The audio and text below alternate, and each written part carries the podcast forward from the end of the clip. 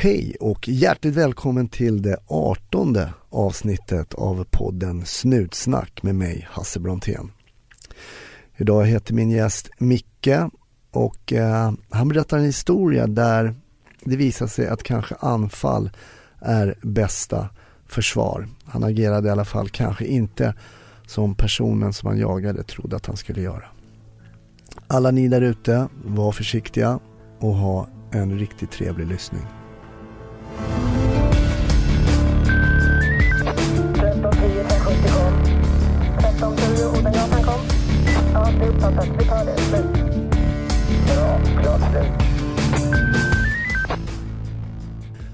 Välkomna till avsnitt 18 av podden Snutsnack och idag heter min gäst Micke. Varmt välkommen! Tack Hasse, tack. Du går ju även under smeknamnet Doktorn och har själv haft en eh, polispodd. Ja, precis. Som spelades in här också faktiskt. Så att, eh, inte i den här studion men, men eh, i en annan studio. Just det. Men den, eh, den rullar inte längre? eller? Nej, det gör det inte av olika skäl. Eh, nummer ett var väl att vi gick över till polisens regi då och, och eh, ja, vad ska jag säga om det? Eh, Det blir ju givetvis lite mer uppstyrt då när man hamnar inom myndigheten. Så vi, den, den, den eh, konstnärliga friheten försvann ju till viss del där. Och sen var det ju så att vi hade kört en jädra länge. Alltså vi hade kört ett antal, ja, nästan två år. Va? Eh, Och det blev ju det att till slut så började ju fantasin tryta. Och, det, blev, det var skönt att, att eh, backa där och, och låta det där vila ett tag. Jag, menar, jag vet, det kanske dyker upp i framtiden igen. Va? Så är det. Allt har sin tid. Precis. Jag ska väl säga det till lyssnarna att du är faktiskt den som har varit önskad som person eh, flest gånger eh, på, på Facebook-sidan när jag har fått mejl så här, när kommer doktorn? Ja, Och du var ju faktiskt inbokad eh, Ja, tidigare ja. men eh, fick en så kallad man cold. Ja, och jag har en till nu. Men, men nu jävlar ska det ske tänkte jag. Så, ja, jag, jag, jag låter ju som jag har svalt en, en duva ungefär. Men, men eh, ja, så är det. Ja, men det är helt okej. Yes. När, eh, hur länge har du jobbat som polis? Du, jag började i januari 90. Eh, och eh, jag är lite glad och stolt att ha börjat vid den eran. Det var ju den där gamla uniformen och eh, skinnpajen med vita kopplet och du vet, de här man hade sett och poliserna som man hade så respekt för. Va? De, de, eh, de hade ju de där kläderna och fick jag ha då. Jag kommer ihåg första gången eh, jag hade dem på mig. Eh, Just skinnpajen då? Skinnpajen, eh, Vällingby hörde jag till då på den tiden och då hade vi garaget, polisgaraget på andra sidan torget så vi fick lämna stationen, gå över torget och hämta polisbilen.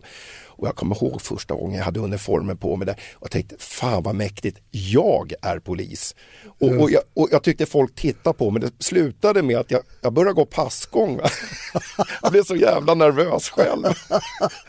Passgång med dig själv? Ja visst, va? Det, här, det var inget snyggt. Men, men eh, man var ju så, man var ju, det var ju något stort liksom att eh, få på sig uniformen. Och Just skinnpajen var ju någonting eh, stort också, att eh, det Ja. ihåg, man fick skinnpaj alltså. Den var ju stor och den var ju framförallt vintertid var den kall och sommartid var den varm. Den var ju helt jävla värdelös. Ja. Men cool. Ja, det hade ett bra rykte den där Ja, skinnpajen ja. alltså. Men hade du, när du var yngre, hade du tankar om att du ville jobba som polis eller hur kom det sig att du blev? Du, det var ren jävla, ren jävla slump faktiskt. Var det Eh, så? Ja, eh, för att göra en- lång historia jävligt kort då, så när jag låg i lumpen då eh, fick jag den briljanta idén att jag söker till polisskolan för då fick jag nämligen ledigt en vecka för att göra svenska prov. Ledigt en vecka för att göra fysprov, förstår du va? Ja, Och det var Från jävla- lumpen alltså? Från lumpen ja, precis. Så Att jag låg på Gotland då så jag åkte hem, var ledig en hel vecka och gjorde svenska prov, träffade min tjej då på den tiden. Va? Mm. Så jag tyckte det var ett utmärkt sätt att få ledigt. Eh, nu råkade jag att bli antagen där, det var inte riktigt det jag hade tänkt mig då men, men eh, januari 90 var första gången jag gick in på, på polisskolans område. Va?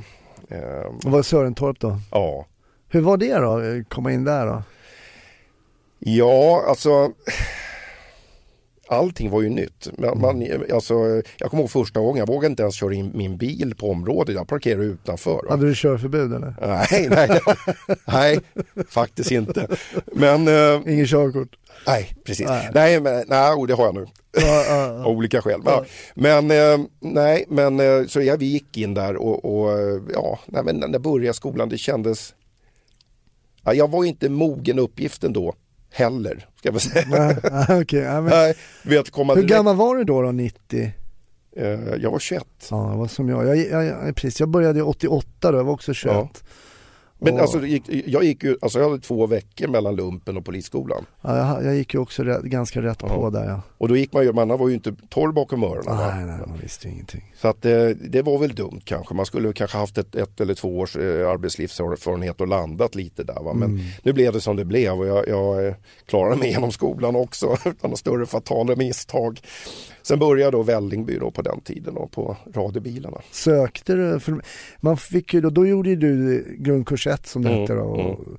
Gjorde du din praktik där i Vällingby också? Ja. Mm.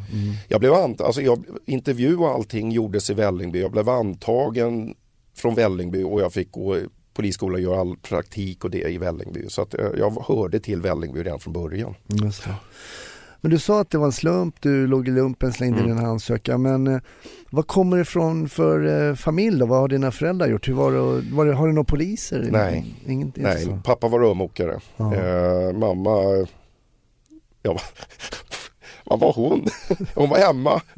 Ja, ja nej, och, och jag innan lumpen då så var jag ju rörmokarlärling ett halvår och tanken var väl att jag skulle slå in på den banan men nu, nu som sagt det blev inte så. Nej. Så ingen poliser eller något sånt där utan eh, Man får jobba mycket skit ändå. ja, där är det mycket skit. Ja, ja Boks- precis. Bokstavligen. Ja, jag menar det, där Ja. är det. Men okej, så du blev färdig där och började jobba i Vällingby. Hur var det där ute i Vällingby då på den tiden? Det var bra och mycket att göra. Var det inte så här VD7 eller någonting? Vad Nej, hette det? VD6. VD6 hette Eller det, ja. PO6 hette det då på min tid. Okej, PO. VD6 var till och med innan mig. Ja. Men eh, och då kan man undra vad lyssnarna, PO är polisområde nummer 6 och VD alltså vaktdistrikt nummer 6. Tack för Kan det. förtydliga. Pedagogiskt, det gillar vi. Ja. Eh, nej men vi hade ju då nuvarande Västerort minus Solna då och Ekerö. Eh, Så vi hade ju Tensta, Rinkeby och där och det var ju det var ett problem även på den tiden med, med att man sköt raketer och sådär mot oss. Första tiden kommer jag ihåg eh, fick vi åka in med två polisbilar, en patrull som skyddade den andra polisbilen medan den andra patrullen var uppe och gjorde jobbet. Det. Så det var redan, på den tiden var det så att Det man kommer och går va? Ja, det kommer ja. och går i, i, i cykler kan man säga. Den här nu, det vi har, lever nu, det är en generationsväxling. Jag tror säkert att det kommer att lugna ner sig om ett antal år när dessa individer växer upp. Mm. Men sen kommer det komma tillbaka igen. Men det är ju det som att vi måste ju vara duktiga inom polisen att se de växlingarna också. Mm. Det är ju faktiskt så. Och det, det kanske vi inte riktigt är. Ja, just det. Nej.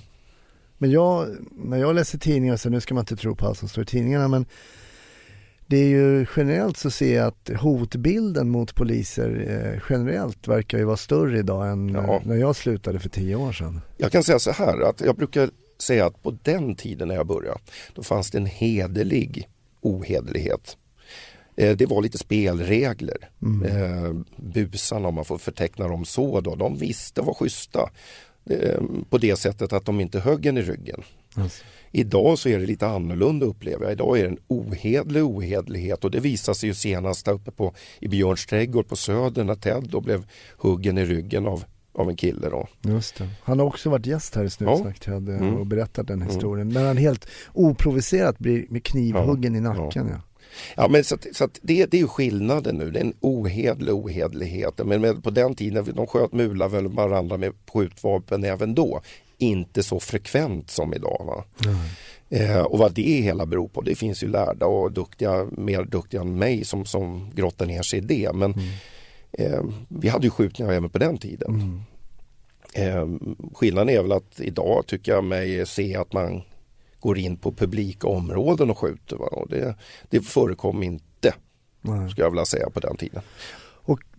Jag vet inte, jag får den här bilden i huvudet att det bara är en tidsfråga när en sån här förlupen kula dödar en fyraåring eller en femåring och då kommer den här våldsdiskussionen få en helt annan Mm. dimension. Än så länge så dödar man varandra kanske, man pratar om kriminella gäng och så vidare. Mm.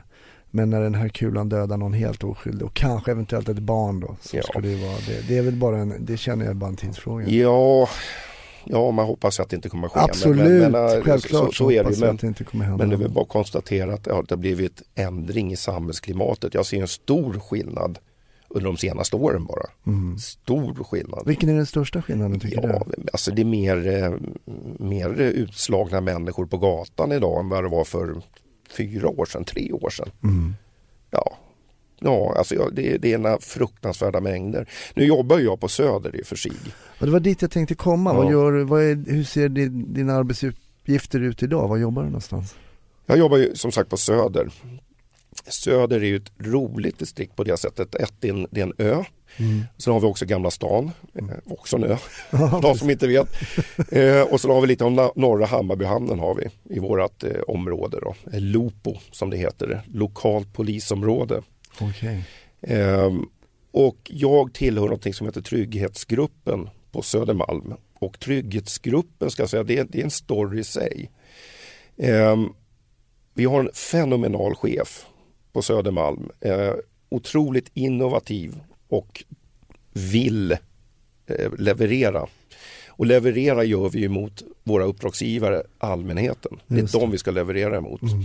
Eh, för ett par år sedan då så sa han så här, tänkte han så här att jag vill behålla kompetensen ute. Jag vill att det ska fortfarande vara äldre konstaplar där ute. Tittar man generellt på IGs-resurserna idag är de väldigt unga. Och poliser. Det är alltså ingripande poliser som Bra. är ute? Ja. radiobilarna, vi pratar, så här pratar poliser för er som lyssnar, det är bara korta och förkortningar hela tiden. Ja. Men, och för att behålla äldre ute, jag menar jag har jobbat nu ett antal år sedan 90 och, och jag har jobbat mina nätter. Mm. Jag mår inget bra av att jobba nätter. Nej. Jag fick till slut att börja använda sömntabletter för att kunna sova på nätterna ordentligt när jag var ledig. Va? Mm. Och det är inte bra för kropp och själ eller någonting. Men jag vill fortfarande vara ute, jag har fortfarande suget att vara ute. Och då startar man någonting för ett år sedan, lite mer. Så startades Trygghetsgruppen på Söder och då, då tog man då alltså äldre konstaplar som fortfarande vill vara ute men orkar inte jobba nätter. Vi jobbar dagtid, vi jobbar mot den lokala problembilden. Mm. Och lokala problembilden är ingenting som jag eller chefen bestämmer. Det är allmänheten som bestämmer vad för lokal problembild. Mm. Tar som ett exempel. Dalslandstrappan och Gotlandstrappan ligger på Götgatan. Just det. År ut och år in har fyllorna stått där. De har kissat, de har spytt, de har sovit, de har slagits, de har spilt öl, de har vrålat och det har varit ett jävla liv. Mm. Folk tycker inte det är kul att gå den där trappan och går omvägar för att gå den där trappan. Mm. Den är ju lite känd den här trappan. Ja. Fram till att vi började köra där då. För det var en lokal problembild. Mm. Så vi var ju där offensivt på dem hela tiden. Eh, vilket gjorde att den här sommaren stod man och sålde jordgubbar där istället. Just det. Det är inte, trevligare. någon, inte någon fyller va? Ja, just det.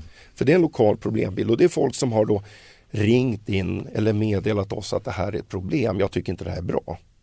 Och de lokala problembilderna jobbar då Trygghetsgruppen med och tittar på små grejer. Vi agerar och reagerar på mindre händelser. Så att gör att istället för att låta de mindre händelserna vara tar vi bort de mindre händelserna så att de inte eskalerar och blir ett jobb för radiobilarna. Du sa en intressant sak här när du började med den här. Du sa att du har en väldigt duktig chef. Jag kan tycka att när man läser tidningar och press så har man ju varit väldigt kritisk mot polischefer och det är Mm. någonting, polischef är nästan någonting negativt. Eh, Jag tänker personligen också på en väldigt duktig chef som jag har haft i rotelchefsnivå. Som Mm. Hur viktiga är de här eh, cheferna på lite lägre nivå då? När du säger att du har en väldigt duktig chef, då har du säkert, säger du det för att du jämför med andra chefer. Ja, Mm. oh ja. För vad som är bra och dåligt måste man ha något att relatera till. Varför är den här chefen så bra?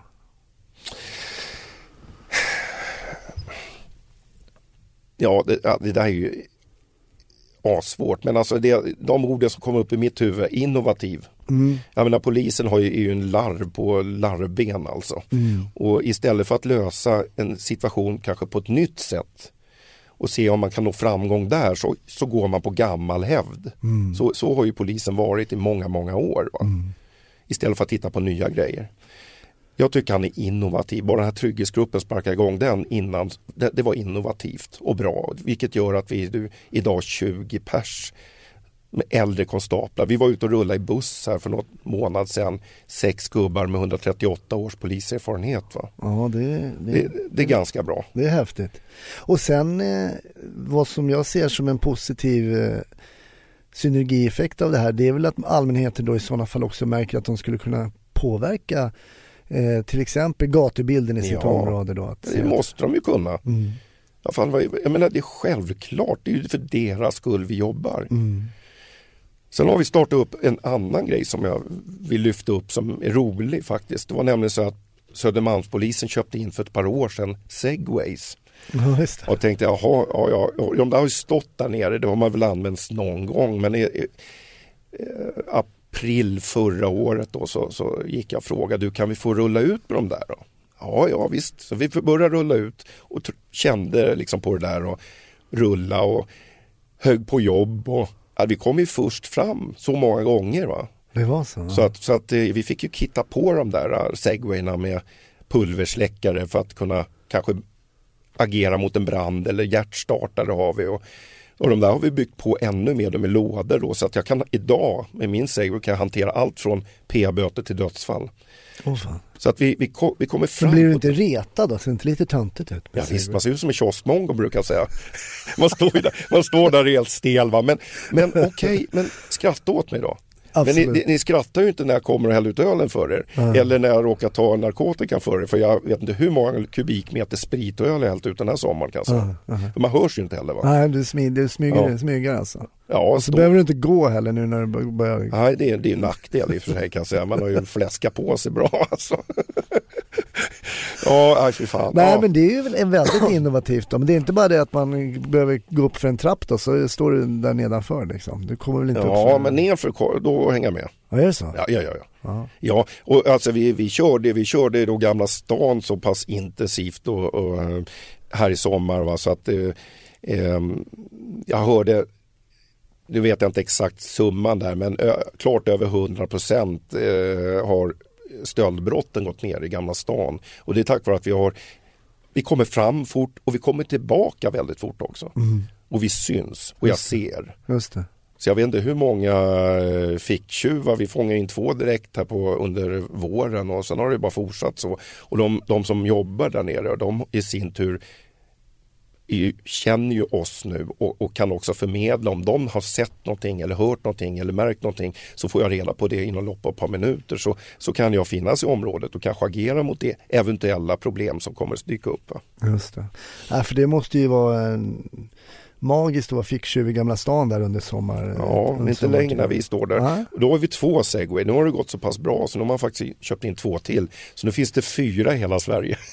Ja, men det är Ja. coolt. Ja, men det är också innovativt. Det var Alltså. innovativt. Och visst, visst så raljerar jag här lite kring eh, segwayn att det kanske ser töntigt ut. Men jag förstår också eh, nyttan Men av du, det du, har, du har rätt i det. För man ser ut som ett kioskmongo när man kör den.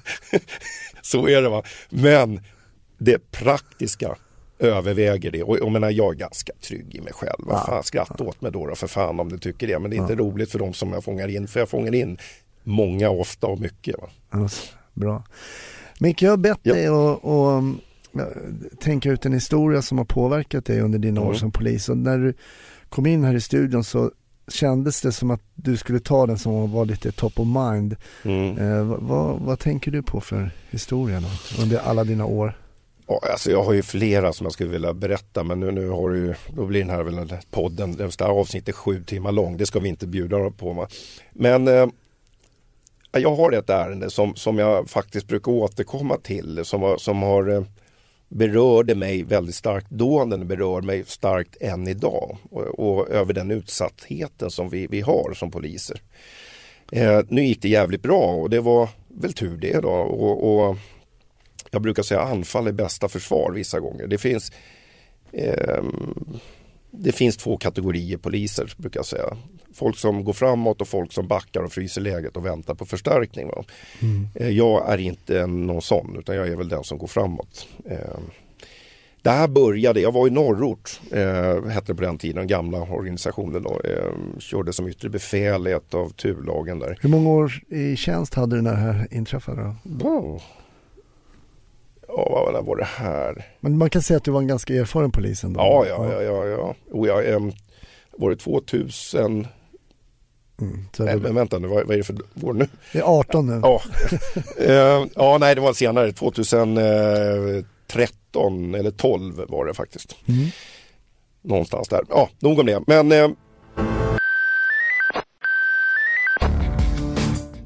det, jag var ute och åkte radiobil och på den tiden jag åkte faktiskt singelpatrull då. Jag var yttre befäl och tanken då som jag hade det var att få ut ytterligare en bil, polisbil. Va? Och, och eh, vi var väl då fyra polisbilar plus mig då i, i gamla väl, väst, eller norrort då, förlåt. Eh, och jag var uppe på ett ärende i Bro, eh, ett bråk på en skola tillsammans med en annan patrull då. Som inte var något nämnvärt jobb det här va? men vi var där med två patruller. Då. Eh, då gick överfallslarmet ut eh, och det var en värdebil då i Upplands Väsby som larmade. Och jag sa till kollegan då som var där uppe i bro med mig, då, jag drar, jag måste dra neråt mot Väsby. Mm. Så jag slänger med bilen, börjar köra utryckning, eh, kör södergående, kommer nästan fram till stäket. Då strax innan blir jag utsedd till insatschef. Jag ska leda den här insatsen, massor med patruller på väg. Eh, när jag ser stäkets trafikplats, då får jag höra från en annan patrull, Lokusbil då, de undrar vad det är, lokala teknikerna, de var ute och rullade och hade hamnat efter flyktbilen på Rotebroleden. Okay. Vi ligger efter flyktbilen, Rotebroleden. Det går mot stäket säger de. Fan, det är ju där jag, jag är ju i stäket tänkte jag. Och svänger av eh, mot stäket. är det där det ligger McDonalds? Ja, precis. Ja, precis. Mm. Svänger av mot stäket och vad får jag se då? Ja, då kommer flyktbilen och, och, och gubbarna kommer ju då 100 meter efter så att ja, då drar jag efter flyktbilen. Och då drar vi i alla fall. Eh, det här går nu i hög hastighet. Vi ligger väl i cirka 180 blås ligger vi på gamla vägen då mot Kungsängen. Och det, det, den är slingrig. Den är jävligt slingrig. Men där ligger jag då ungefär 50 meter bakom vad jag vet då tungt beväpnade rånare. Och du ligger i en målad Jag ligger i en målad bil, polisbil med blåljus och sirener på. Jag har väl ungefär 100 meter bakom och så kommer Lokusgubbarna då, då äldre konstaplar. Så jag visste att jag var inte själv där. Eh, men i alla fall i det här läget då så, så kör jag efter och vi kommer efter mycket möda och stort besvär kommer upp till Kungsängens centrum. Och jag tänker bara, bara de inte kör upp mot centrum. Mm. För jag menar, där är folk, det är barn, det är hundar, det är bilar, det är fullt med folk. Alltså där vill jag inte att de åker in. Vad händer? Ja, de kör ju upp då givetvis mot Kungsängens centrum. Anledningen att nu att jag kom så pass nära dem nu, för de låg ungefär 30 meter efter, mm. Eh, var att de hade hamnat då efter en lastbil som bromsade upp dem. Vad, har du några har du några taktiska tankar här i huvudet när du, du är ändå själv bakom det här mm. som du då misstänker är flyktbilen? Eller är det ja, det, det, vi, det var det var flyktbilen. Det var flyktbilen, ja, ja. Har du några, vad går i ditt huvud här? Du har ju ingen, du har ju ingen att bolla med, du sitter ju helt ensam. Nej, jag var, ja alltså hur gick tankarna? Ja, alltså, jag åkte efter och sen fick jag följa alltså, lag efter läge hela tiden. Mm. Sekund eller mikrosekund taktik var det som gällde. Gjorde han en grej då skulle jag göra så här, gjorde han så så skulle jag göra så här. Nu när han åker upp då mot Kungsängen centrum så gudarna tackar jag för att han körde förbi Kungsängen centrum och kommer ner till andra sidan till en vändplan. Knäktvägen hette den här vägen, Kungsängen. Och den slutade då i en vändplan. Och där fanns det en stor gräsyta och längst ut, mitt ute på gräsytan så var det som Gud själv hade satt en cementsugga. Varför den stod där? Helt omotiverat. Men där körde han in och krockade. Okay.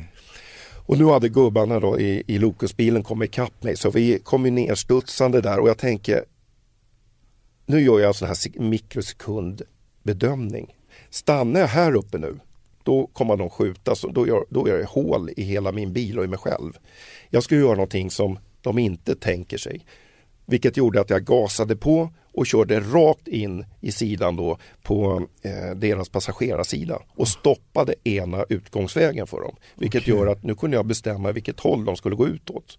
Det vill säga att de gick ut allihopa då, allihopa två var det, ska jag säga. Båda två var tvungna att gå ut i en riktning. Så du smashade till den rätt ja. Eh, ordentligt? Då, ja, eller körde diktan, han fick inte upp dörren. Ah, okay. Så när jag kliver ur då tänkte jag nu måste jag ur fort som satan här annars så kommer jag, jag bli mulad. Va? Vilket jag gjorde och ska ta skydd då bakom min polisbil. Eh, samtidigt som jag kliver ur så kliver rånare två ur den bilen. Och jag ser, vi har ögonkontakt, vi står ungefär max fyra meter ifrån varandra. Och då börjar det skjutas och då börjar gubbarna där uppe i, för de har stannat uppe i, i backen, då börjar de skjuta.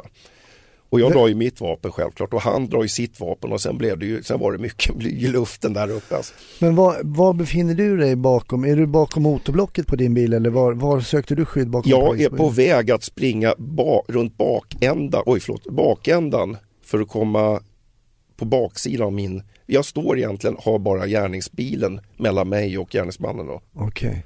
Och det här kommer jag, jag kommer aldrig glömma det här för det här, jag sköt mot han och han sköt mot mig. Mm. Men jag hörde inget skott. Jag hörde inte smällarna. Är det sant? För det har jag fått- höra sen i efterhand att det första när man, när man ställs inför sådana här situationer, alltså när det blir ställt på det yttersta, då, då är det första man förlorar är hörseln. Och jag, jag kan jag ta gift på att så är det. Jag hörde inte smällarna. Inte ditt vapen, inte hans Nej. vapen. Men du blir ju beskjuten här. Jag Ja. antar att det är han som skjuter först, är det så eller?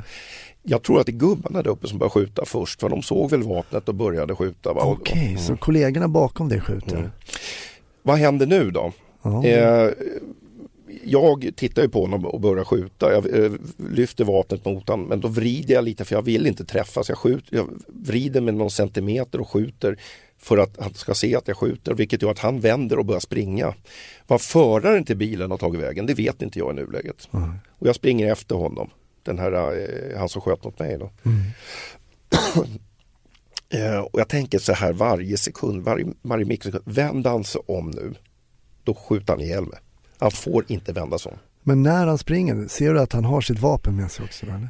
Jag, jag, jag, just där och då, nej. Jag visste inte om han hade vapnet med sig eller om han hade droppat den eller vad fan som hade hänt. Va?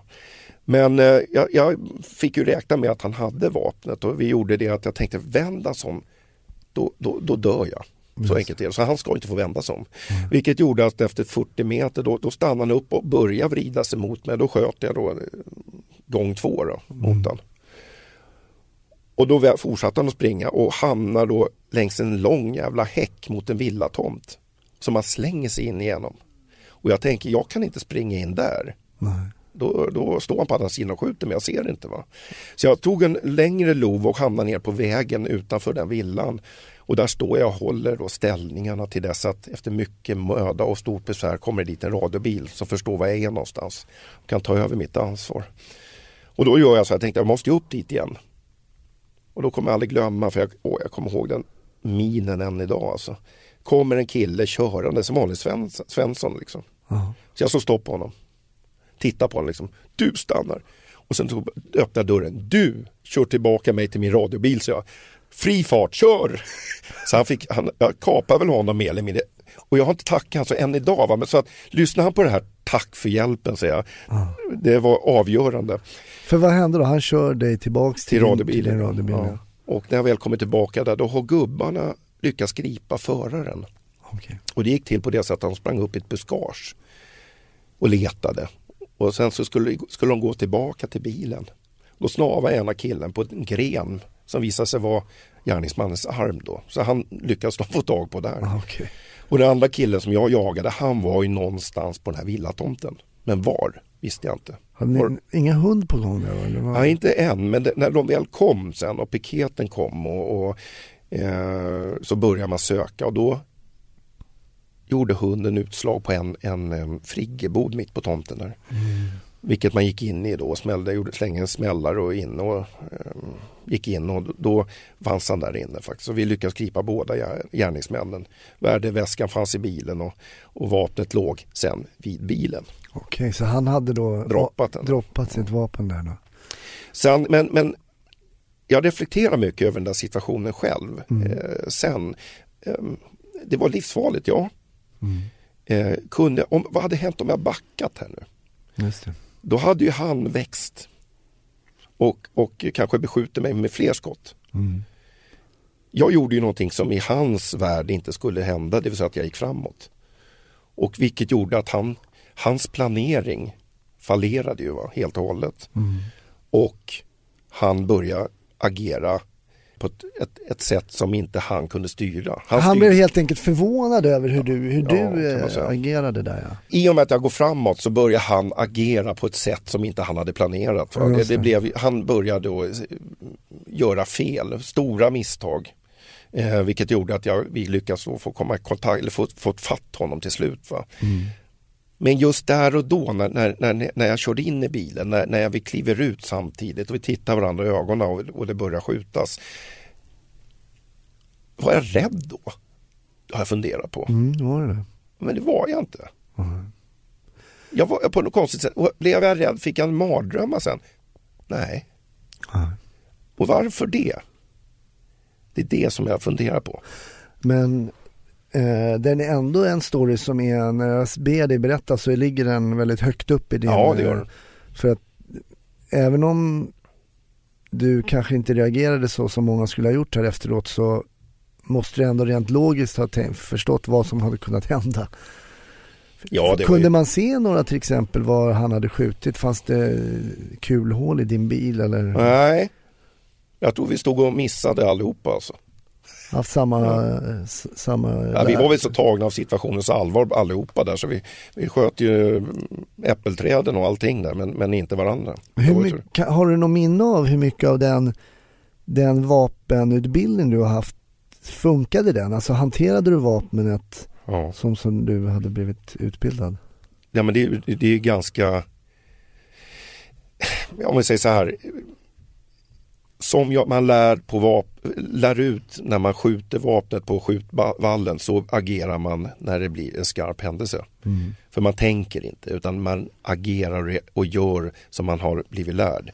Så, alltså det, det går inte att göra på annat sätt då. Nej just då, för de som inte jobbar som poliser Ja. eller så är det ju en ren nötning egentligen. Ja. Alltså de här olika nöta, nöta, nöta Ja. och dra vapnet, mantlar och så vidare. Ja, ja nej, det, det, det, har man lärt sig det så är det det som funkar sen när man hamnar i en svår situation. Hur kommer det sig att du kunde komma hem och inte var, alltså kunde komma hem och gå och lägga dig bara? Hur tror du att det... Har det funnits andra situationer där du har kommit hem och inte kunnat somna av, baserat på det som har hänt? eh? Nej, nej, nej. Det är det som är så märkligt. Jag kommer ihåg händelsen, jag kan eh, berätta dem. Eh, nu var det ju många år sedan nu då, men, men det sitter starkt i min minnesbank den här händelsen och hur folk såg ut och vad de gjorde och hur jag gjorde och sådär. Det sitter stenhårt.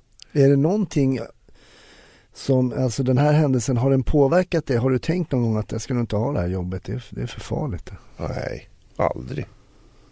Nej, för fan. Förlåt, nu svor jag. Ja, det är det, det är viktigt. Nej, men nej, jag ångrar inte en sekund.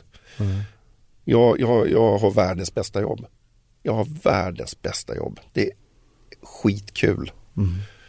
Det har sina nackdelar självklart som alla jobb men, men jag uppskattar varenda minut som jag har fått inom myndigheten. Jag tycker det är skitkul. Vad är det som gör det här jobbet till världens bästa jobb?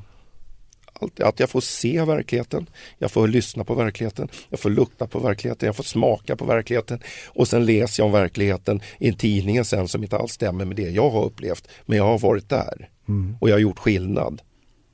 Jag, jag tycker det är för jävla trevligt och, och, och vara beskyddare av demokratin, vara beskyddare av allas frihet och frid. Jag tycker det är snorviktigt. Men hur är det då att vara i verkligheten, se verkligheten, känna och lukta på verkligheten Mm. och sen läsa om den i tidningen och den inte överensstämmer med din bild av dina sinnen som du har tagit in? Nej, men det får man ju, det, det har man blivit ganska van vid. Men det finns ju orsaker till det också, när det blir en stor händelse. Nu har vi blivit bättre inom myndigheten tycker jag, med, med när vi har folk från media, eller som jobbar med mediafrågor bara. De är jätteduktiga. Så att det, det är bra att det finns folk som, som vet hur mycket man kan säga och vad man kan säga. Innan så var det ju så att när, om det blir en stor händelse så så självklart så blir det en polisanmälan och det blir någonting som inleds en förundersökning på den här händelsen. Och då finns någonting som heter sekretess. Och det är det som gör att all information kan ju inte läckas. Va? Ja, läckas, det ska inte läckas någon information men, Nej. men det är därför att det blir ofullständig information till kanske media som vill skriva om den här händelsen. Vi kan inte säga allt för det är en förundersökning. Va? Just det. Om vi går tillbaks till den här händelsen som Ja. du var med om där i Kungsängen. Ja. Eh, hur blir det sen då? Du åker in och avrapporterar det här. Eh, fick Mm. du vittna sen? Och, eh, Ja, ja. sen? och Ja. vad, vad, kommer du ihåg vad de här gentlemännen fick för Nej, jag kommer inte ihåg det. det. Det blir finkan för dem i alla fall, det blev det. Mm. Det som var skillnad då mot idag var väl det att då sa de, hör du vill ha någon att prata med? Nej, nej, nej, jag, nej, jag vill inte ha det. Eh, idag så är det ju faktiskt så att, att idag har man inte den, ställer man inte den frågan. Du ska iväg och prata nu Just med det. den här. Vad tycker du om det då? Skitbra. Mm. Ja men det är, ju, det, det är ju så vi måste göra.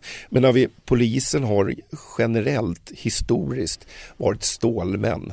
Vi ska liksom bara ta skit, eh, se skit och sen bara ut precis som inget hade hänt. Vi går tillbaka till Vällingbytiden. Jag, jag kommer ihåg en gång jag kom in till vakthavande befälet och sa hej du, fan jag var med på en grej här. Det var, det, mm.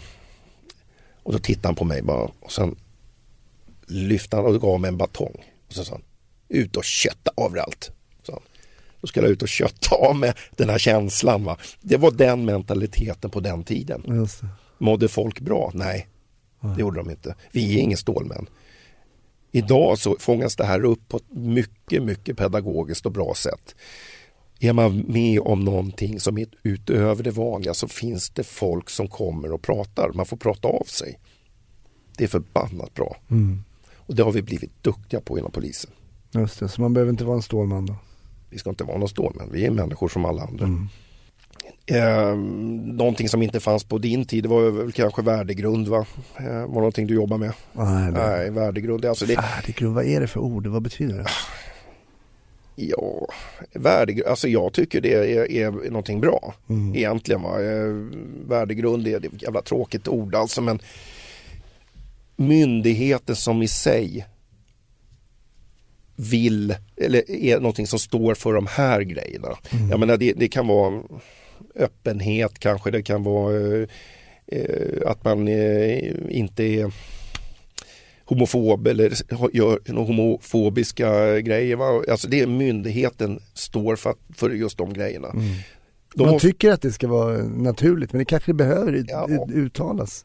Ja, framförallt. Jag menar, det, det, jag har ju bra, jag menar, när jag jobbar så, så är ju jag myndighet. Jag är, jobbar ju åt myndigheten, då kan inte jag fallera kanske på, på vissa grejer. Då, utan då måste jag hålla mig till den värdegrund som myndigheten har. Mm.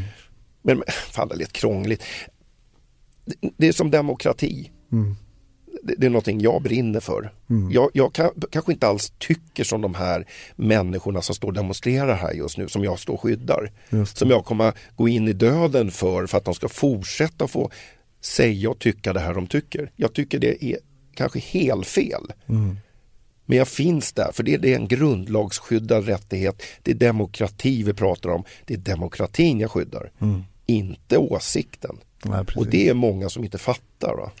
Ja, det kan jag tycka är märkligt att vuxna människor inte har förstått det. För att som polis så får du väl kritik oavsett om folk är höger till vänster eller vad det nu är så är du alltid Ja, motståndaren då där och det bryr man sig ju sällan om. du ska få en grej av mig förresten. Jag målar ju lite privat basis. Är det sant? Ja, ja det, här, det här har jag du får väl lägga ut den här på Facebook sen. Men det, det här är, det här är en, en målning, du kan ha den i hyllan här sen tänkte Ja, jag. Men det, det här underbart. beskriver, jag brukar försöka måla av mig hur fan, hur man känner sig. Va?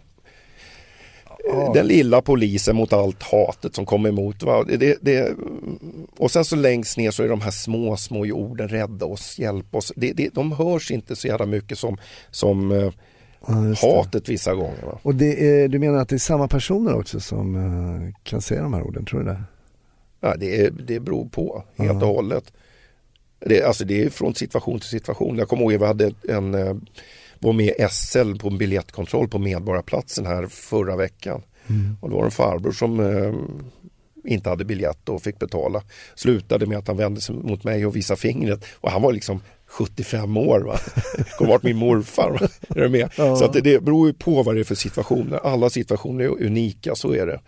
Men vi ska stå däremellan Mm. och skydda den här demokratiska rättigheten och se till att oavsett om du är man, kvinna, homosexuell, heterosexuell, transsexuell, om du tror eller inte tror, om du, om du röstar på Sverigedemokrater, om du röstar på Vänsterpartiet, spelar ingen roll. Jag finns till din hjälp när du hamnar i nöd. Jag gör inte skillnad på folk och fe när jag jobbar. Ja. Bra, en eh, grymt bra grundinställning för en polis tycker jag. Eh, tittar du någonting på, eh, polisserier eller polisfilmer? Uh. Nej, jag, jag, började kolla för något år sedan, kollade jag på Anna Holt eller vad fan den hette. Jag såg ungefär tio minuter, sen blev jag så förbannad så jag la, stängde av. Hon sa fan med klart slut hela tiden hon snackade i radio. Ja, ja han, han är här uppe i, i, i rulltrappan, klart slut. Du, Anna Brun sagt klart slut. Han, jag blev tokig till slut. Va? Och det där kanske man ska eh, förtydliga för lyssnarna, men just klart slut säger ju inte um, polismannen kanske då, utan det är oftast från ledningscentralen som säger nu är det slut på diskussionen här. Det är bara ledningscentralen som säger klart slut. Precis, va? så mm. det, det, är väl någonting man kan reagera på. Ja, men det är så små grejer. Va? Du vet, alltså de som har gjort den här researchen innan man körde igång den här jävla serien. De måste ju suttit och läst eh, Kalanka eller något sånt där. Alltså det är den researchen de har gjort för att jag känner vissa gånger så, fan kom igen nu. Men tror du inte att det har blivit bättre då? Jo, lite bättre. Johan Falk och de här, de har ju Tage Åström har ju mm. varit inne och styrt upp lite mm. grann vet jag och så det har blivit lite mer verklighetstroget. Jo, det, det är bra. Eh, det känns ju lite mer äkta då. då Johan Falk tycker jag är bra. De, de kan jag faktiskt, de har jag sett. Ja. Eh, men sen så finns det andra serier, vad fan, vad var det där? Eh, det var någon serie med poliser, de åkte med svart polisbil med vit polistext. Ah, okay. Ny Volvo liksom, det såg för jävligt ut när de ute och åkte va? och de åkte de utryckning med. Var fan, var, varför hyr ni inte in en som liknar i alla fall liksom? Det är så här enkla grejer. Nej, ett allmänt upp, utrop till de som eh, ska göra en serie, tv-serie i framtiden. Ge fan i att krångla till det. Det ska vara så nära verkligheten som möjligt. Punkt, annars kommer inte jag se. Uppfattat.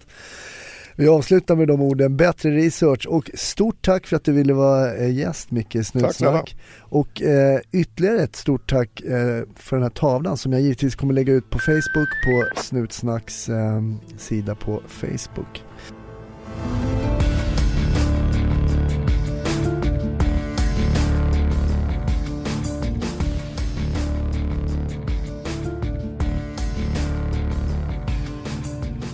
Stort tack för att du lyssnade på ytterligare ett avsnitt av podden Snutsnack. Du hittar Snutsnack på Facebook där vi heter Snutsnack såklart. Mig Hasse Brontén hittar du på sociala medier under mitt namn Hasse Brontén. Är du sugen på lite stand-up så kör jag på Raw på Hilton i Stockholm lördagen den 17 februari. Så välkommen att smita förbi då. Då blir det lite mindre allvar och lite mer skoj som livet är. Ibland är det allvarligt, ibland är det skojigt. Vi hörs nästa vecka. Ha det bra tills dess.